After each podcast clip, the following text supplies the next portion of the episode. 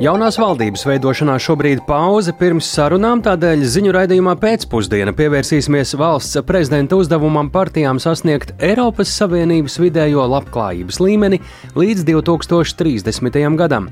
Dzirdēsiet ekspertu vērtējumu, vai šādu mērķi maz iespējams sasniegt. Šeit būtu svarīgi, ka ir tāds ambiciozs mērķis, kam tiek pakārtot arī reāli risinājumi, ar reāli lēmumi, par kuriem mēs jau runājam gadiem. Līdz ar to tas varētu būt kā tāds stimuls citu būtisku lēmumu pieņemšanā. Kā ritējusi zvērsta došana pirmajiem obligātajā militārajā dienestā iesauktajiem, un kādu rezultātu Rīgā devusi nesen ieviestā pasažieru laišana sabiedriskajā transportā tikai pa priekšējām durvīm vakar stundās. Arī par to tūdaļ raidījumā pēcpusdiena kopā ar mani Tāli Eipuru.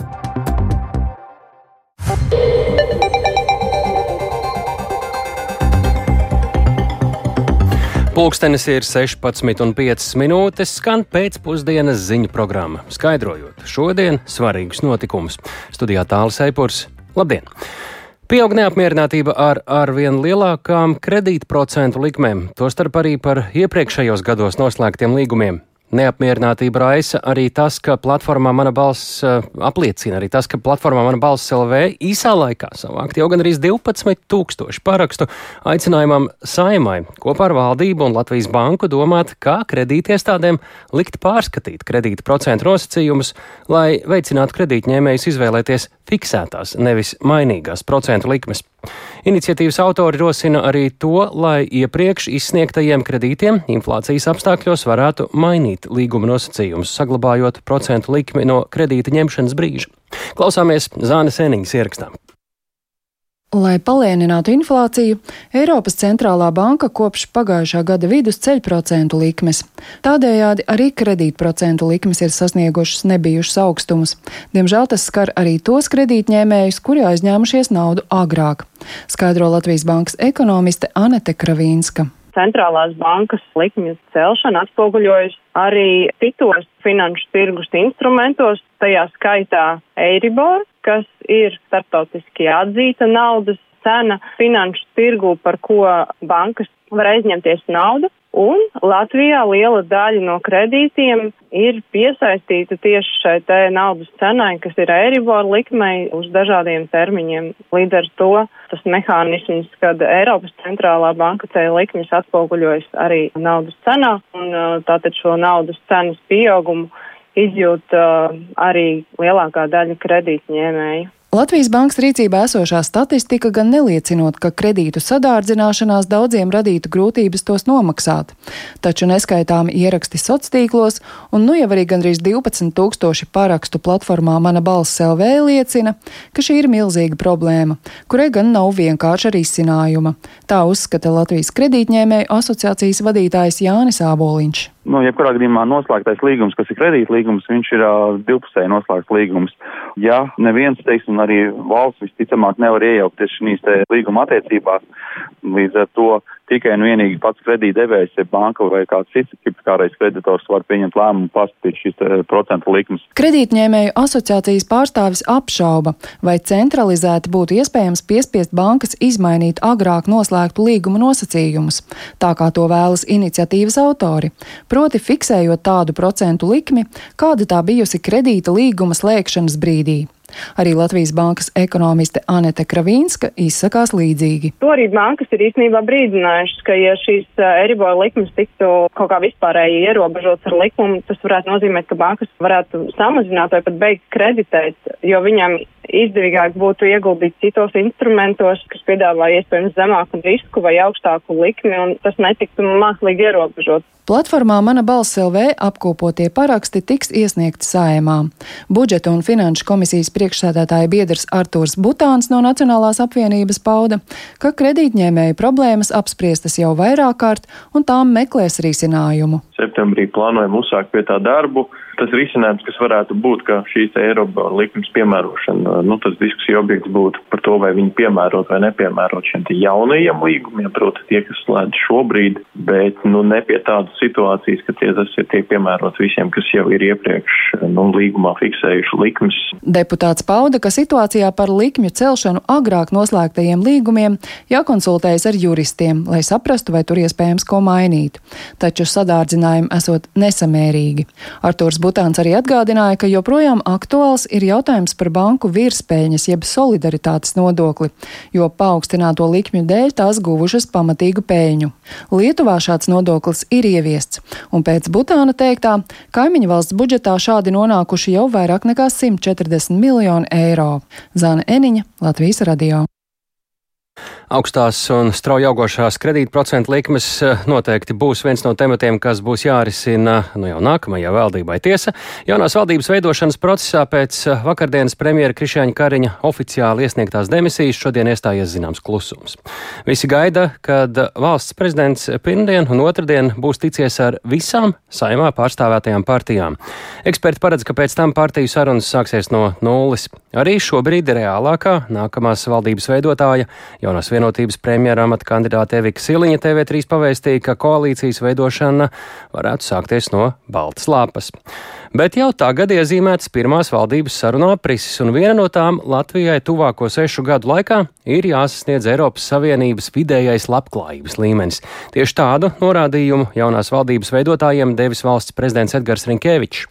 Pēc Eurostat datiem pērn labklājības līmenis Latvijā no Eiropas Savienības vidējā līmeņa atpaliek par ceturto daļu. Turklāt pēdējo septiņu gadu laikā Latvijas atpalicība no šī līmeņa ir samazinājusies vien par 10% punktiem. Kā uz valsts prezidenta nolikto mērķi raugās speciālisti un vai tas vispār ir reāli sasniedzams? Skaidroja Viktors Damīdovs. Latvijai līdz 2030. gadam ir jāsasniedz Eiropas Savienības vidējais labklājības līmenis. Tas arī nozīmē, ka cilvēkiem Rīgā un Latgalē jājūtas vienlīdz labi. Lai mērķi sasniegtu, īpaša uzmanība jāpievērš izglītība un zinātnei. Tādu mērķi jaunās valdības veidotājiem deva valsts prezidents Edgars Rinkēvičs. Lai gan Latvijai tāds rādītājs kā iekšzemes koprodukts uz vienu iedzīvotāju ar gadiem pieaug, pērn no Eiropas Savienības vidējā līmeņa, kas ir 100%, Mūsu valsts atpalika par veseliem 26 procentpunktiem, apdzinot vien Horvātiju, Slovākiju, Grieķiju un Bulgāriju. Savukārt krietni priekšā Latvijai ir Igaunija un Lietuva. Paraugoties uz 2015. gada datiem, situācija īpaši nav mainījusies. Arī tad Latvija Eiropas Savienības valstu sarakstā bija piektā no apakšas. Lai līdz 2030. gadam mērķi sasniegtu, Latvijai jābūt trīsreiz aktīvākai. Kamēr politiķi uz mērķi raugās piesardzīgi, Latvijas darba devēja konfederācijas prezidents Andris Bitte uzskata, ka to sasniegt var. Faktiski mūsu pamatuzdevums, lai mēs mēs sasniegtu labklājību, ir audzēt lielāku ekonomiku ļoti strauji. Gan esošos Latvijas uzņēmumus, kas strādā jau šeit, gan piesaistot jaunus ar mērķi eksportēt, eksportēt un eksportēt, ražot priekš pasaules, nevis izties mazajā tirgo viens ar otru. Un ja mēs šo paradigmu uzliksim un sapratīsim, ka tas pats no sevis nenotiks, bet tas var tikt panākt tikai ar darbu, tad tas ir sasniedzams. Arī Tirzniecības un Rūpniecības kameras prezidents Aigars Rostovskis uzskata, ka Latvija Eiropas Savienības labklājības līmeni tuvāko gadu laikā var sasniegt. Ļoti labi, ka beidzot valsts prezidents uzstāda mērķus ekonomikā, jo faktiski iepriekšējā periodā es neatceros, ka valsts prezidenti būtu uzstādījuši mērķus ekonomikā, jo lielā mērā jau pārējās visas lietas - veselība, izglītība, drošība un arī ārējā drošība atkarīga no ekonomikas. Tā kā šis mērķis ir ambiciozs, bet viņš ir sasniedzams. Beidzot, ir jāapkaro rītīgi birokrātija, jābeidz tas viss marazms ar to lieko papīru darīšanu. Jānodrošina, ka Latvijā ir finansējuma pieejamības, jābūt jaunām bankām, jā, premjeram jābrauc ir pierunāt bankas nākt, jānodrošina, lai pieejams darba spēks. Enerģetikas stratēģija ir vajadzīga, ja tas ir konkrēts lietas arī nodokļu politikā. Nodokļu politika jābūt konkurētspējīgai. Ņemot vērā Latvijas lēno tempu, mērķi par ambiciozu sauc Sebbankas ekonomists Dainis Gašpuitis. Protams, kā mērķis tas var būt, un kopumā es teiktu, tā konverģence arī turpināsies, bet eh, tādā plašākā mērogā tas varbūt nebūtu tas primārais mērķis. Tas mūsu dzīves līmenis savās prasībās noteikti ir virs Eiropas Savienības vidējā, un te jau ir daudz niansētāk jāskatās ne tikai pēc IKP rādītāja, jo nu, mums arī pie zemāka IKP rādītāja ir tiksim, tā, daudz iespēju uzlabot dzīves kvalitāti, ko nemēr tikai pēc ekonomikas. Līdz ar to es teiktu, ka tas ir ļoti ambiciozs mērķis. Līdz ar to tas varētu būt kā tāds stimuls citu būtisku lēmumu pieņemšanā. Jāņem vērā, ka Latvijas sarakstā var pacelties arī gadījumā, ja kādai valstī attīstība piebremzēsies. Viktors Demidovs, Latvijas radio. Ne tikai labklājība, bet arī valsts drošība un aizsardzība pavisam noteikti būs viena no topošās valdības prioritātēm. Ar zvērestu ādažu militārajā bāzē pirms brīža savu lojalitāti Latvijas armijai un valstī ir apliecinājuši valsts aizsardzības dienesta pirmā iesaukuma karavīri. Svinīgajā ceremonijā piedalījās aizsardzības ministra Ināra Mūrniece, Nacionālo bruņoto spēku komandieris ģenerālleitnants Leonīts Kalniņš un Sauzemes spēku mehanizētās kainieku brigādes komandieris pulkvedis Oskars Kūdlis. Ceremoniju klātienē varēja vērot arī jaunkrēvju tuvinieki. Satikties ar jauniesauktajiem devusies arī kolēģe Ieva Puķe. Labdien, Ieva, saki, kā tad ritēja ceremonija, vai tev izdevās parunāt arī ar pašiem jauniesauktajiem un cik tad kopā šodien jauno cilvēku deva zvērstu?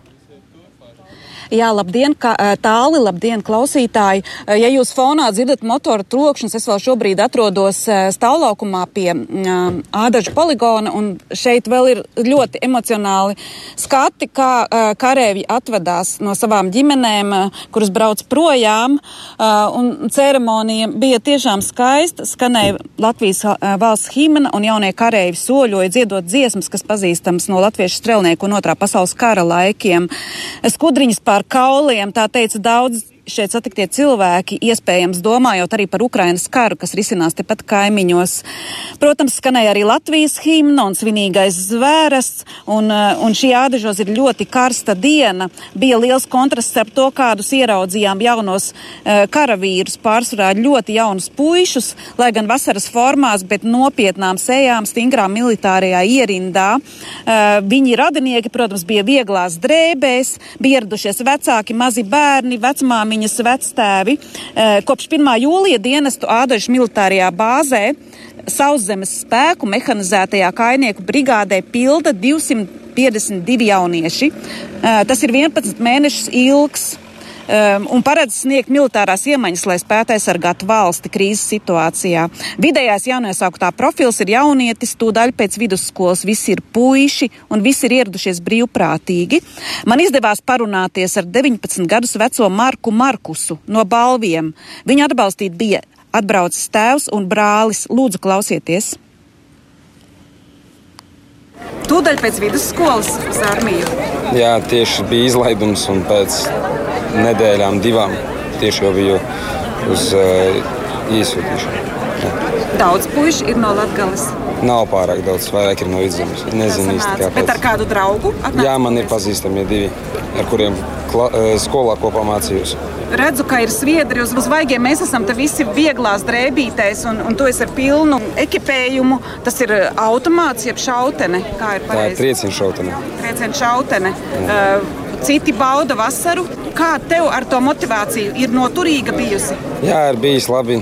Bet reizēm ir grūtāk, kad esat mežos un poligonos, kad ir jādara uzdevumi un visu dienu ir aktīvi jākustās. Bet liela slodze. Diezgan liela ir, bet visu var, pie visa pierodam. Mūs arī trenē pie tā, pieradina pie viņas. Un zvērsta nodošanas brīdis, vai kādas pašam sajūtas, vai likās tā arī būs, ja uznāca tādas emocijas, ko nebija pat gaidījis? Jā, īsti emocijas bija ļoti pārpilnas. Es nevarēju noslēgt uz vietas, un tas ļoti, ļoti liela gandarījuma sajūta. Ir. Kurš brīdis bija visemocionālākais? Kad skaitījām viņu, kad pašu zvērstu devām. Un ģimenei? Nu, teiktu to pašu laikam. Godīgi sakot, mums rados, ir viens armijnieks, kas jau varbūt 20 vairāk gadus ir armijā. Tad viņš, kad uzzināja, ka Marks dodas armijā brīvprātīgi, viņa, viņa pirmie vārdi uzreiz bija: Es lepojos. Viņš teica, pasakiet Markam, ka es ar viņu lepojos. Un, godīgi sakot, arī šodien nu, es tā pilnīgi apzinos un tikai saprotu to, ka mēs tiešām lepojamies, ka mums ģimenē ir tāds cilvēks. Atgādināšu, ka valsts aizsardzības dienestam brīvprātīgi var pieteikties Latvijas pilsoņi, vīrieši un sievietes no 18 līdz 27 gadu vecumam. Valsts aizsardzības dienestā 24. gadā iesauks vēl 600 jauniešus, 120 janvāra iesaukumā, savukārt 480 jūlija iesaukumā nākamgad. Iespējams, ka šie cilvēki atkal pieteiksies brīvprātīgi, tāpat kā šī jūlija iesaukuma jaunieši. Uh, obligātais dienests Latvijā bijis vēl līdz 2006. gadam, taču tagad ir uzaugusi vesela paudze, kas ar tādu vairs nesaskārās. Uh, un 24. gada janvāra iesaukums Nacionālos bruņotos spēkos notiks trīs dienesta vietās uh, - štāba bataljonā Rīgā, gaisa spēku pretgaisa aizsardzības divizionā Lielvārdē un zemesardzes 25. 25. kaujas atbalsta bataljonā Stāmerienā, Gulbens novadā. Paldies, paldies. Tā Ieva Puķe no Ādažu militārās bāzes, kur šodien savu lojalitāti Latvijas armijai un valstī apliecināja valsts aizsardzības dienesta pirmā iesaukuma karavīri. Galvenais dzinuls veidot valsts aizsardzības dienestu Latvijā mēs šeit visi saprotam neapšaubām bija notiekošais Ukrainā. Ukraina jau 541. dienu aizstāvus pret Krievijas pilna apmēra iebrukumu. Frontē turpinās Ukrainas sauszemes spēku pretuzbrukuma operācijas. Un Valsts prezidents Valdemirs Zelenskis paziņojis, ka Ukraina no sabiedrotajiem saņem papildu ieročus, kas ir nepieciešami okupēto teritoriju atgūšanai. Tikmēr no rietumu valstu izlūkdienestiem iegūta informācija liecina par nopietnām šaubām, vai Ukrainai šogad izdosies sasniegt vienu no galvenajiem mērķiem frontē - noslēgt Krievijai pieeju Krimai pa sauszemi. Vairāk stāsta Uldis Česbergs.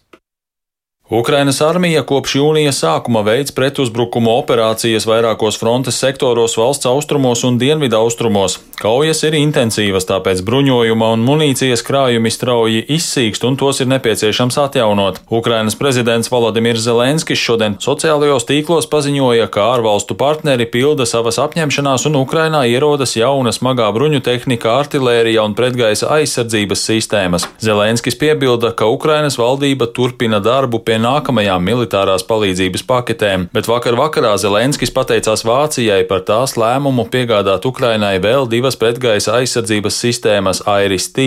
Arī Lielbritānija palīdzēs stiprināt Ukrainas pretgaisa aizsardzības spējas. Londona ir atvēlējusi 90 miljonus mārciņu, lai iegādātos pretgaisa aizsardzības aprīkojumu Ukrainai. Savukārt Dānija un Nīderlanda ir apstiprinājušas, ka ASV prezidenta Džo Baidena administrācija ir atļāvusi šīm valstīm piegādāt Ukrainai amerikāņu amerikāņu iznīcinātājus F-16. Tas varētu notikt pēc tam, kad ukraiņu piloti būs izgājuši apmācības ar šiem iznīcinātājiem. Dānijas ārlietu ministrs Lars Sloke Rasmussens paziņoja, ka Kopenhāgena kopā ar sabiedrotajiem spriedīs par turpmākajiem soļiem, taču viņš nevarēja nosaukt aptuveno laiku, kad Ukraina varētu saņemt pirmos iznīcinātājus. Nīderlandes ārlietu ministrs Vopke Hukstra apsveica ASV administrācijas lēmumu, piebilstot, ka F-16 piešķiršana Ukrainai būs ļoti nozīmīgs solis, lai palīdzētu aizsargāt valsti pret Krievijas agresiju. Militārie eksperti norāda, ka Ukraiņu pilotu apmācība ar F-16 lidmašīnām varētu ilgt aptuveni gadu, bet paši iznīcinātāji Ukrainā varētu parādīties tikai 2024. gada otrajā pusē. Atvaļinātais ASV armijas pulkvedis Džeks Jacobs uzskata, ka pašlaik Ukrainas spēkiem frontē vairāk ir nepieciešami cita veida ieroči, nevis F-16 iznīcinātāji.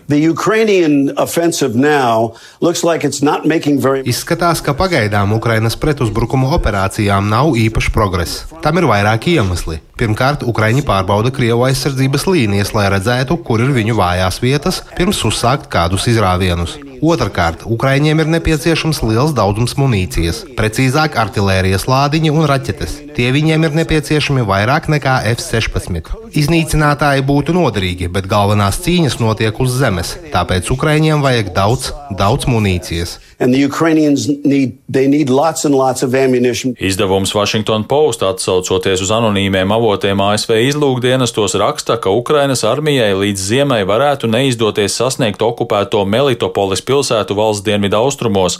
Ja šīs prognozes piepildīsies, tad Kīva nebūs sasniegusi vienu no galvenajiem pašreizējo pretuzbrukumu operāciju mērķiem. Melitopole ir strateģiski svarīga, jo tās tūmā atrodas nozīmīgas automaģistrāles un dzelzceļa savienojumi, kas ļauj Krievijai caur okupēto Krīmas pussalu apgādāt savu karaspēku Ukrainas dienvidos. Amerikāņu izlūki norāda, ka galvenais iemesls lēnējai Ukrainas armijas virzībai frontē ir Krievijas nocietinājumi, ko veido mīnu lauki un tranšējas. Uldis Česberis, Latvijas radio.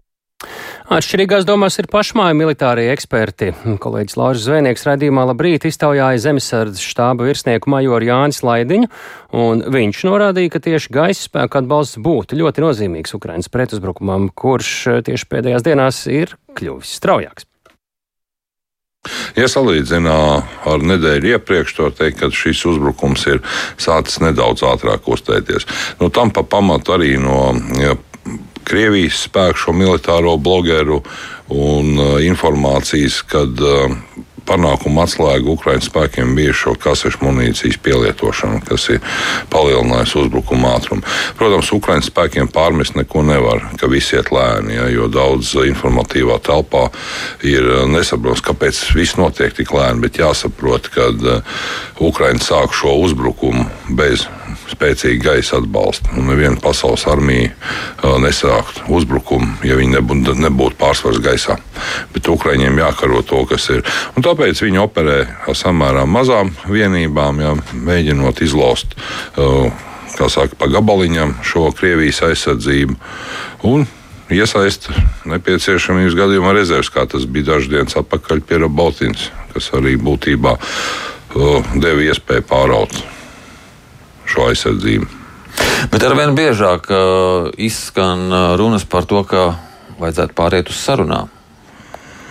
Un tas ir Krievijas uh, viens no tādiem narratīviem, ko viņi visu laiku mēģina iebarot uh, rietumos. Ja, kad Ukraiņu uzbrukums ir izgāzies, rietumu kaujas tehnika, šie kvantumu, ko ir rietumu iedoši, nav nekādu labumu nesuši. Ja, un, diemžēl, protams, viņi caur saviem šiem ieteikums aģentiem, teiksim, viņi izplatīja šos uh, narratīvus. Tas, protams, arī atrod dzirdīgas ausis kādos politiķos, ja, kas arī uh, tālāk to visu.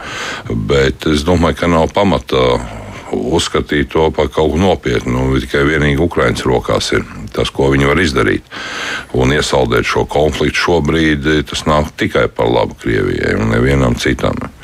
Jo redzams, ka Krievija noteikti pēc šīs izsludinātās mobilizācijas atkal veidos uzbrukumu grupējumus, apmācīs un iesaldētais konflikts nepie kā labi nenovedīs.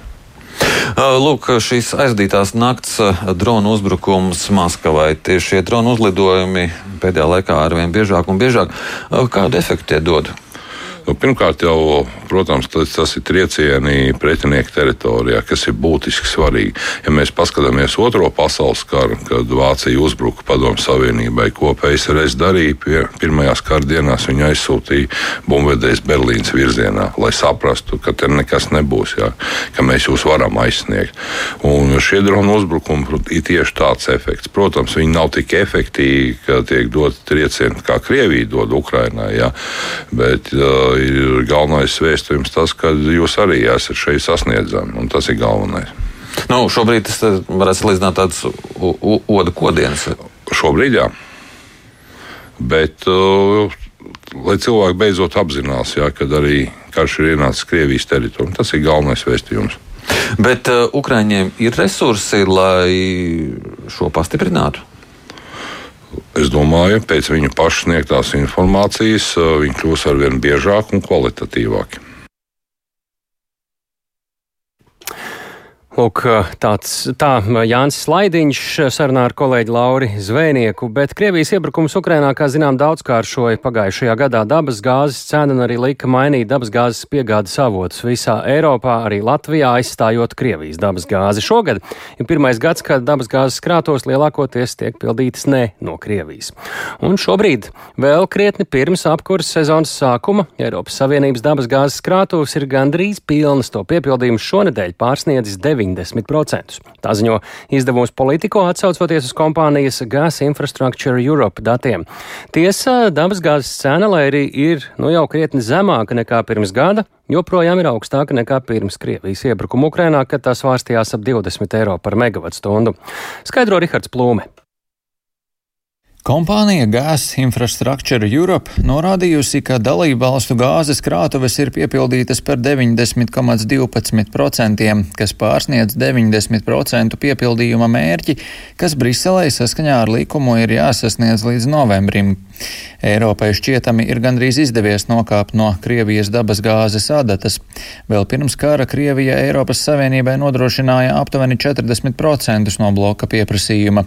Krievijas gāzes apjoms 2022. gada pirmajās 32 nedēļās ir samazinājies līdz 23,6% no bloka importa, un līdz šim šogad tas ir samazinājies līdz 8,4%. Tādēļ Eiropas Savienības apņemšanās izbeigt Krievijas gāzes iepirkšanu līdz 2027. gadam šķiet sasniedzama. Krievijas gāze tagad lielākoties ir aizstāta ar importu no ASV, Norvēģijas, Azerbaidžānas un citām valstīm. Eiropas Savienības enerģētikas komisāre Kadrija Simpsone izdevumam Politico norādīja, ka Eiropas Savienība ir izpildījusi savas gāzes uzglabāšanas prasības pirms termiņa, kas nozīmē, ka bloks ir labi sagatavojies ziemai. Tas turpmākajos mēnešos palīdzēšot vēl vairāk stabilizēt tirgus. Eiropas Savienības enerģētikas tirgus ir daudz stabilākā stāvoklī nekā tas bija pagājušajā gadā, piebilda komisāre. Vienlaikus atzīstot, ka pēdējo nedēļu laikā ticis novērots, ka gāzes tirgus joprojām ir jūtīgs. Tādēļ Eiropas komisija turpinās to uzraudzīt. Eksperti izdevumam norāda, ka piepildītas gāzes krātuves nenozīmē, ka cena tagad kritīsies. Gāzes cena joprojām ir augstāka nekā pirms kara, kad tās vārstījās ap 20 eiro par megavatstundu. Šonadēļ tās vārstījās ap 38 eiro. Analītiķi sagaida, ka šī būs pēdējā ziema, kurā gāzes deficīts rada nopietnas bažas, un tas būs tādēļ, ka sašķidrinātās dabas gāzes ražošanas jaudas no tādiem piegādātājiem kā Katara un ASV nākamā gada vidū pieaugs. Rihards Plūme, Latvijas radio. Arī Latvijā Inčukalna dabas gāzes krātuvē ir sapildīts gana daudz dabas gāzes. Kopā ar valsts obligāto rezervi šobrīd tiek kopumā uzglabāti 17,6 terawatstundas no iespējamām 22,5. Tātad vairāk nekā 3 ceturdaļas no potenciālā piepildījuma. Tagad jāpiebilst, ka visas atlikušās jaudas esot jau rezervētas. Bet kāpēc Igaunija? Lūdzu skaidrot, kāda Latvijā esoša tilta tehnisko stāvokli. Vai Rīgā pasažieri sākuši vairāk pirkt biļetes pēc tam, kad vakaros transportā laiž tikai pa priekšdurvīm, un Rīgas centrā šovakar lielākā jebkad redzētā motorlaivu parāde? Šie un citi temati raidījumā pēcpusdiena tuvākajās minūtēs.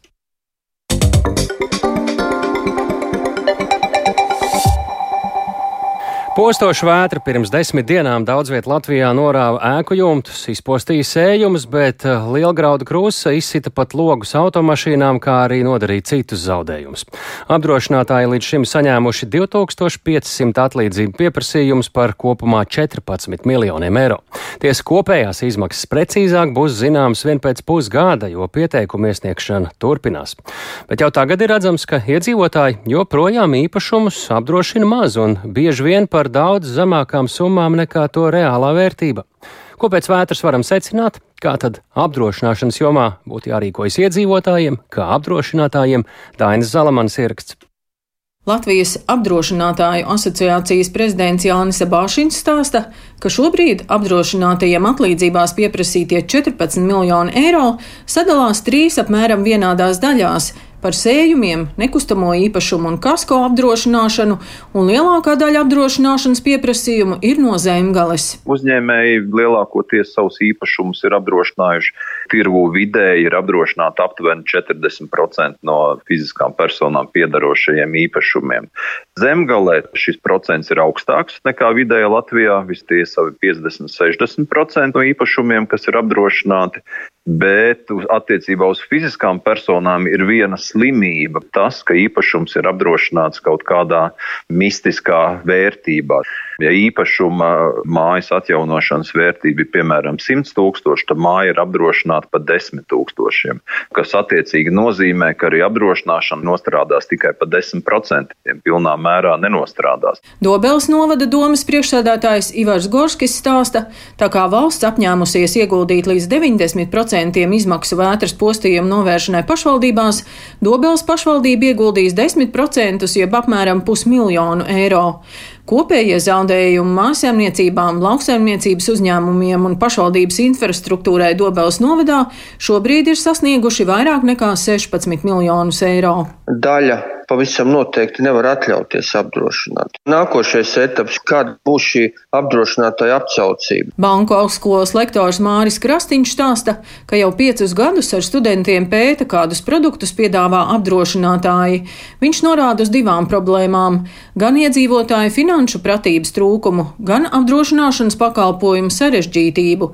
Vienlaikus dabas katastrofas stimulē arī vairāk domāt par īpašumu apdrošināšanu kad tie zaudējumi maksā tūkstošus un desmit tūkstošus un eh, ka iespējams apdrošināšana gadā maksā 200-300 eiro. Šis ieguldījums apdrošināšanas iegādēs cilvēkiem sāks likties saprātīgs. Bet pašiem apdrošinātājiem ir jāstrādā pie tā, lai sabiedrībā veidotos šī izpratne, kā tad apdrošināšana īsti darbojas. Latvijas apdrošinātāju asociācijas prezidents Jānis Sabāšiņš uzskata, ka tāpat kā citās Dienvidu Eiropas valstīs, jāveido īpašs dabas katastrofu fonds, ko bieži vien veido veido valsts kopā ar apdrošinātājiem. Tā fonda būtība ir tāda, ka nevis valsts tērē savu naudu no līdzekļiem neparedzētiem gadījumiem, bet ir izveidot šādi speciāli fondi, kas šiem neapdrošinātajiem cilvēkiem arī palīdz pie lielām dabas katastrofām.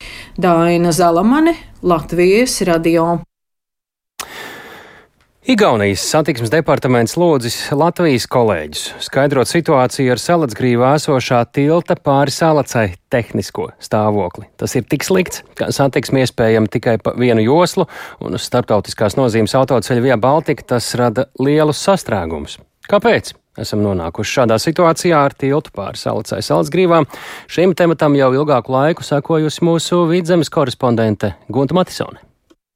Būtībā šī problēma jau ir ilgusi gadiem un nav risināta. Tilts pār salatu jau ir cienījumā vecumā, te ir 65 gadus vecs. Protams, ir bijuši remonti, bet tāda kapitāla remonta jau nav bijis. Un tā kā satiksme par šo tiltu ir pat ļoti intensīva, tad arī slodze dara savu. Pirmā vēstule par tiltu stāvokli satiksmes ministrijai no pašvaldības puses tika rakstīta jau 2010. gadā. Jā, bet kur tad slēpjas šī problēma? Lai arī autoceļš Vijā Baltika ir starptautisks nozīmes, tā ir viena no nozīmīgākajām Eiropas tranzīta šosejām, jeb tā saucamajām TNT galvenā tīkla sastāvdaļām. Tomēr izrādās, ka ceļa posms, kas iet cauri salas grīvai, un tātad arī tilts, ir pašvaldības īpašums. Taču ne toreizējam Salacgrības novadam, ne tagadējam Limbaģa novadam tādu līdzekļu, lai tiltu nu, tā kārtīgi remontētu vai pat pārbūvētu, nav. 2020. gada rudenī veiktā izpēta liecināja, Vai nu nekavējoties ir jāveic nopietns remonts, vai tiltu lietošana ir jāierobežo. Un toreiz man gatavojot materiālu par tiltu stāvokli, domas speciālists man rādīja ekspertu veiktos foto, kāda ir izveidojušies, piemēram, izskalojumi pie tiltu valstiem. Viens no šiem izskalojumiem bija pat kraus mašīnas apjomā. Bet bojājumi tiltam, protams, ir arī virsūdens daļā. Un tāpēc, lai mazinātu slodzi, šobrīd uz tilta satiksmi regulē luksafors. Braukt var tikai pa vienu joslu, un spēkā ir arī distances ierobežojumi. Un līdz ar to arī rodas sastrēgumi. It sevišķi jau tagad vasarā, kad pa šo autoceļu brauc nevien kravas auto, starptautiskie pārvadātāji, bet arī daudz atpūtnieki. Un kritiskākās situācijas, kā stāsta Limbaģa novada pašvaldībā, veidojas arī tajās dienās, kad Igaunijas pusē krāms, tad autorinda ir uz Rīgas pusi. Pēdējo reizi lielākais sastrēgums bija, kad cilvēki no Latvijas un Lietuvas devās uz koncertu Tallinā. Tiek lēsts, ka rinda bijusi pat 6 km garumā. Šis sastrēgums arī ir pievērsts Igaunijas puses uzmanību salatas tiltam. Tilta problēma pašvaldība ir aktualizējusi jau vairāk kārt. Pirmā vēstule, kā jau minēju, bija 2010. gadā, bet tika saņemta atruna, ka tas ir pašvaldības īpašums. Te gan jāteic, ka aizbītajā gadā parādījās cerība, ka jauns tilts būs un arī no ministra finansējums būs. Aizdītā gada februārī jau būvprojekta izstrādātāja pašvaldības vadība iepazīstināja ar esošā tilta konstrukciju demontāžu, satiksmes organizāciju, bet novada mājaslapā jau parādījās pat trīs tilta vizualizācijas, par kurām tika aicināti balsot iedzīvotāji. Jaunā tilta projekts tika arī izstrādāts un veikta arī projekta ekspertīze, bet solījums par finansējumu palika tikai solījums. Un, kā jau minēju, šī ir nozīmīga tranzīta šoseja. Tā ir svarīga arī šī brīža ģeopolitiskās situācijas ziņā. To vairāk kārt man gatavojot sižets par tiltu problēmām, sarunā ir akcentējis arī toreizējais savas grīvas tagadējais Limbaģa novadomas priekšsēdētājs Dārns Straubergs. Nu, šim ceļam ir strateģiska nozīme un tam arī tiltam ir jābūt uzturētam attiecīgā kvalitātē, kas nodrošina arī militārās tehnikas pārvietošanos un civilo apgādi. Ja tilts būtu vēl kritiskākā stāvoklī un nāktos meklēt, piemēram, apkārt ceļus, tad, lai šķērsot salātu, tuvākā iespēja ir mērot ceļu līdz limbažiem, un tad uz Staicelu, kur ir tuvākais tilts, kuru var mērot arī smagie auto, tas ir diezgan ievērojams uh, ceļa gabals. Ņemot vērā šo valsts drošības aspektu, līdz 21. septembrim tagad ir plānots tiltu pārbūves projektu iesniegt militārās mobilitātes projektu konkursā. Bet, lai rastu risinājumu satiksmes plūsmas organizēšanai par tiltu, pašvaldībā plāno uzstādīt viedos luksusforus. No šim nolūkam vajadzēs ieguldīt finansējumu ap 6000 eiro. Šie luksufori spēj pielāgoties satiksmes plūsmai un tādējādi mazinātu sastrēgumu problēmas. Sastrēgums veidojas vienā virzienā. Bet, protams, galveno jautājumu, tiltu jautājumu, tas jau neatrisinās. Tā kolēģi Gunta Matisone, bet tagad par satiksmi citā pašvaldībā Rīgā. Konkrētāk par sabiedrisko transportu. Rīgas satiksmes autobusos ir pieaudzis reģistrēto bi biļešu skaits, jo kopš 1. augusta visos autobusos un trolēbusos iekāpšana transportā pēc 9. Eh, vakarā notiek tikai pa priekšējām durvīm. Uzņēmums ziņo, ka pēc 9. vakarā reģistrēto braucienu skaits darba dienās audzis par aptuveni 20%, bet brīvdienās par 10%. Rīgas satiksmes pārstāve Baiba Bartaševiča Feldmana pie Radījuma pēcpusdienu klausulas. Labdien! Labdien! 20% pieaugums ir tieši ja salīdzina ar citiem vakariem pirms eh, šī jaunieveduma, vai arī tas ir kopējais uh, reģistrēto biļešu skaita pieaugums vispār? 20% pieaugums darba dienās autobusos un trolēbusos ir salīdzinot ar pērno gadu tieši tādu pašu periodu, ko mēs arī skatījāmies. Tas ir kā pēc deviņiem vakarā, ja? Jā, tas tieši ir pēc deviņiem vakarā. Tieši šo posmu mēs skatījāmies, un, un respektīvi, tad arī šis rāda, ka Labi, ir 20%. Daudz intensīvāk braukšana, mēs zinām, sāksies tieši no septembra. Daudzi to vēl nav pieredzējuši. Atgādniet vēlreiz, kā tad darbojas tā kārtība, kad iekāpšana notiek tikai priekšējām durvīm. Uh, nu, es gan gribētu teikt, ka daudz jau šo kārtību ir izbaudījuši arī jau 30 maršruti. Ir kopš 1. februāra bija 11 maršruti un vēl no 1. māja ir vēl vairāki trolēbusi. Visi apdzīvotākie parasti. Jā, jā, bet nav, bet tur ir visas dienas garumā. Šeit tiešām autobusi, trolēbusi visu katru dienu vakarā pēc pulkstens deviņiem. Un tieši tāpēc arī augusts bija izvēlēts par šo te startup mēnesi, kad pakāpeniski ļauj cilvēkiem pierast. Un septembrī tātad arī, kad atgriezīsies cilvēki vairāk pilsētā, jau tad arī būs par šo kārtību dzirdējuši. Kārtība ir tāda, ka vakarā no pulkstenes deviņiem iekāpšana tiek organizēta priekšējām durvīm. Protams, šoferīts arī seko līdzi šai situācijai. Un tas, ko šī pirmā nu, nedēļa rastīta ir uzrādījusi, ka varbūt pirmie reisi pēc deviņiem atsevišķos maršrutos ir tādi ar lielāku pasažieru plūsmu. Un, ja, piemēram, tā arī ir, tad vadītājs vēl sākotnēji šajos, varbūt pirmajos reisos atver visas durvis, bet tie tikai atsevišķi pirmie reisi un, un atsevišķos maršrutos. Bet kopumā kārtība ir parādījusi sevi, ka tas gana labi strādā. Un, Kādi ir tie ieguvumi, izņemot vēl reģistrēto biļešu? Biļešu skaita pieauguma ir arī citas blak blaknes labās? Tas, kas, kas ir viens no vai arī blakus mērķis šai kārtībai, ir arī mazināt gan bezpajumtnieku, gan arī citu, varbūt tādu traucējošāku pasažieru iekāpšanu šajā sabiedriskajā transportā. Redzam, ka arī šī kārtība uzlabojās un kad šeit arī ir uzlabojumi. Uzlabojumi, protams, ir dažas situācijas arī, kad atverot arī vidējās durvis šādas personas mēdz iekāpt. Bet arī šeit vadītājs sako līdzi un, piemēram, arī pastiprināti ziņo kontrolē, varbūt kuros maršrutos, kuros reisos šādas personas vēl ir iekāpjas. Un, attiecīgi, arī balstoties uz šiem datiem, mēs arī vēl pastiprinām kontrolas kārtību vai kontrolas klātbūtni šādos reisos un šajos maršrutos. Vai ir plānots šo kārtību ieviest vēl kaut kā plašāk, citos pulksteņa laikos, vēl papildus maršrutos, arī tramvajos? Uh, nu, Tramvajošo kārtību ir sarežģīti ieviest, jo arī analizējot un lemjot par uh, šo pusdienas deviņiem, mēs skatījāmies, uh, kā būtu, piemēram, varbūt astoņos, bet redzējām, ka tās plūsmas vēl astoņos ir ļoti lielas, un arī tramvajā to ieviest būtu sarežģīti, ņemot vērā to, ka, piemēram, četrdaļīgais uh, tramvajs vai četru sekciju tramvajs ir ļoti, ļoti garš un visu pasažieru plūsmu virzīt uz priekšu būtu sarežģīti. Tāpēc pat labam ļausim apgūt šo kārtību, pieradīsim pie pulkstenes deviņiem visos mm. autobusos, trolēbusos, un tad jau skatīsimies tālāk. Paldies par sarunu. Mēs paliekam pie šī. Jā? Paldies Baibai Bartaševičai Feldmanai Rīgas satiksmes pārstāvēji, bet uh, turpinot, jāsaka tā, ka Durvis aiz sevis ir aizvērs kāds Latvijā labi zināms sportists. Izcilais bobslejists Oskars Čibermans pēc 11 gadiem profesionālajā bobslejā ir paziņojis par karjeras noslēgumu. Un karjeras laikā Čibermans trīs reizes piedalījies Olimpiskajās spēlēs, divreiz kļuvis par Eiropas čempionu un daudzkārt izcīnījis vietu uz citiem piedestāliem. Šovasar sportists aizvadīja individuālu treniņu ciklu ar cerību atgriezties sacensību apritē, tomēr traumas ir pārvilkuši svītru mērķim, un uh, profesionālajā sportā ķibermanis vairs neatgriezīsies. Uz viņa karjeru atskatās Lotārs Zariņš. Tas bija gaidāms. Tā par Oskara ķibermaņa karjeras noslēgšanu Latvijas radio sacīja treneris Sandis Prūsis un Bobslēja federācijas ģenerālsekretārs Zintis Eikmanis. Pekinas Olimpiskajās spēlēs pilots veica pēdējo braucienu sacensībās, tās noslēdzot ar sāpēm.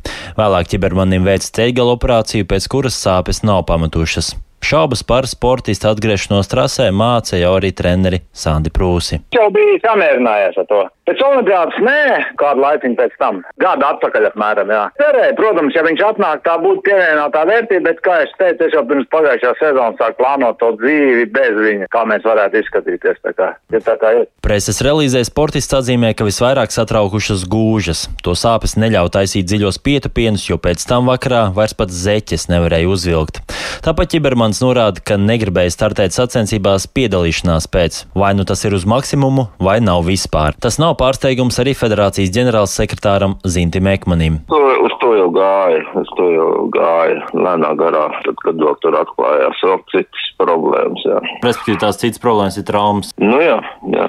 Divas medaļas pasaules čempionātos, 34 reizes uz goda piedestāla pasaules kausa posmos, 4 no tām uz augstākā goda piedestāla piedalījies trīs Olimpiskajās spēlēs un divas reizes kļuva par Eiropas čempionu. Tādi bija Oskara ķibermaņa panākumi. Tomēr sports ar to neapstājas, norāda Sandis Prūsis. Kādreiz likās, ka Miņins aizgāja. Ir traģēdija. Tad nākošā likās, ka Melbārds aiziet, vēl lielāka traģēdija. Nu, tagad Čibermans aizgāja. Nu, nekas nebeidzās. Pagaidām, nu, redzēsim. Protams, tie talanti jau nenāk tā, un, un vienmēr saka, kāds kāds ir ar tādām jāspēlē.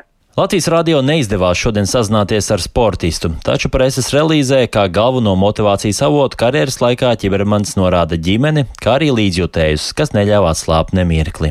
Lotārs Zariņš, Latvijas radio.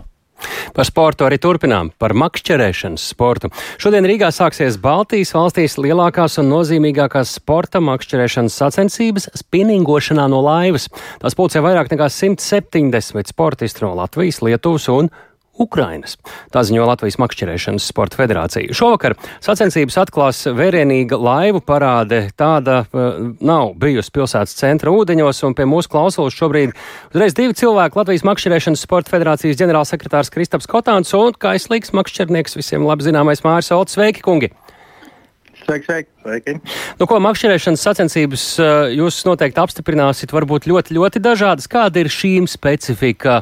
Izstāstiet pārējiem, arī nemakšķerētājiem, kā tiks vērtēti īsumā rezultāti un kur tas viss notiks?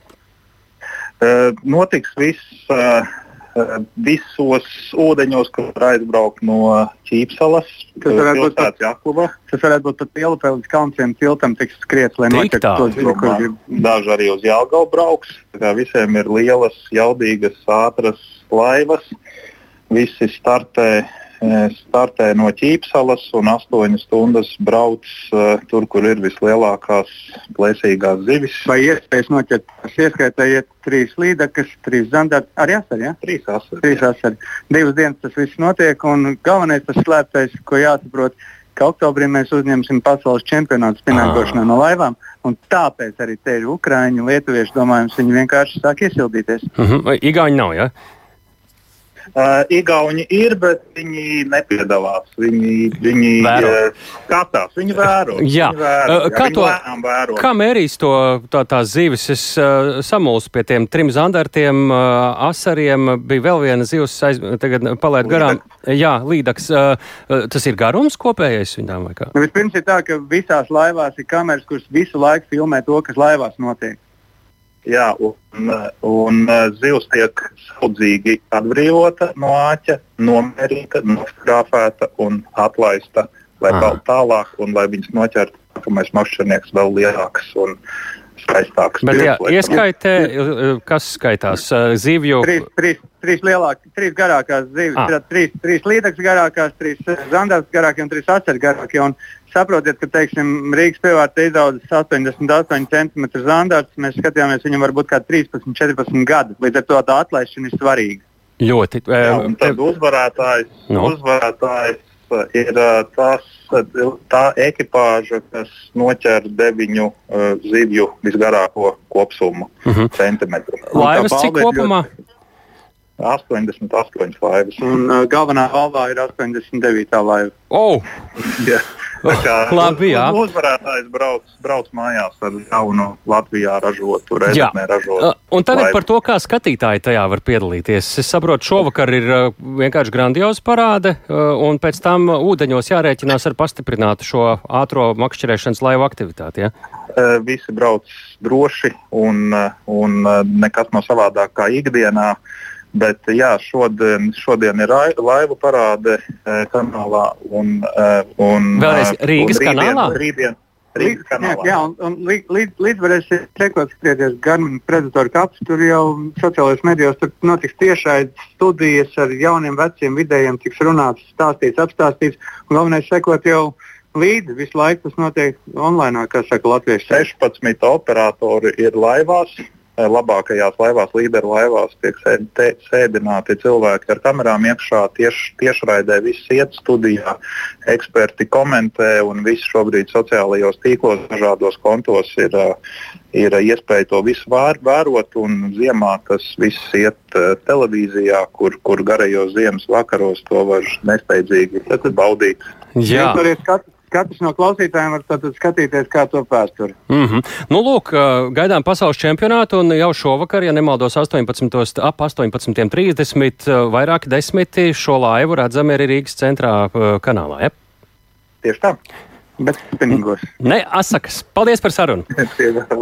Ā, Kristaps Kotāns un Māris Olta bija mūsu sarunbiedri. Jūs bijāt mūsu klausītāji šim raidījumam pēcpusdienā. To sagatavoja Tālis Eipors, Kārlis Dagils, Renārs Šteimans, Mārtiņš Paeglis. Ā, Šo raidījumu vēlreiz varat noklausīties vai citiem ieteikt, liekot lietā Latvijas radio mobilo lietotni. Sev izdevīgā laikā varat klausīties, meklējot dienas ziņas. Mēs tiekamies pirmdien, kā katru darbu dienu pēc ziņām 4 un 5.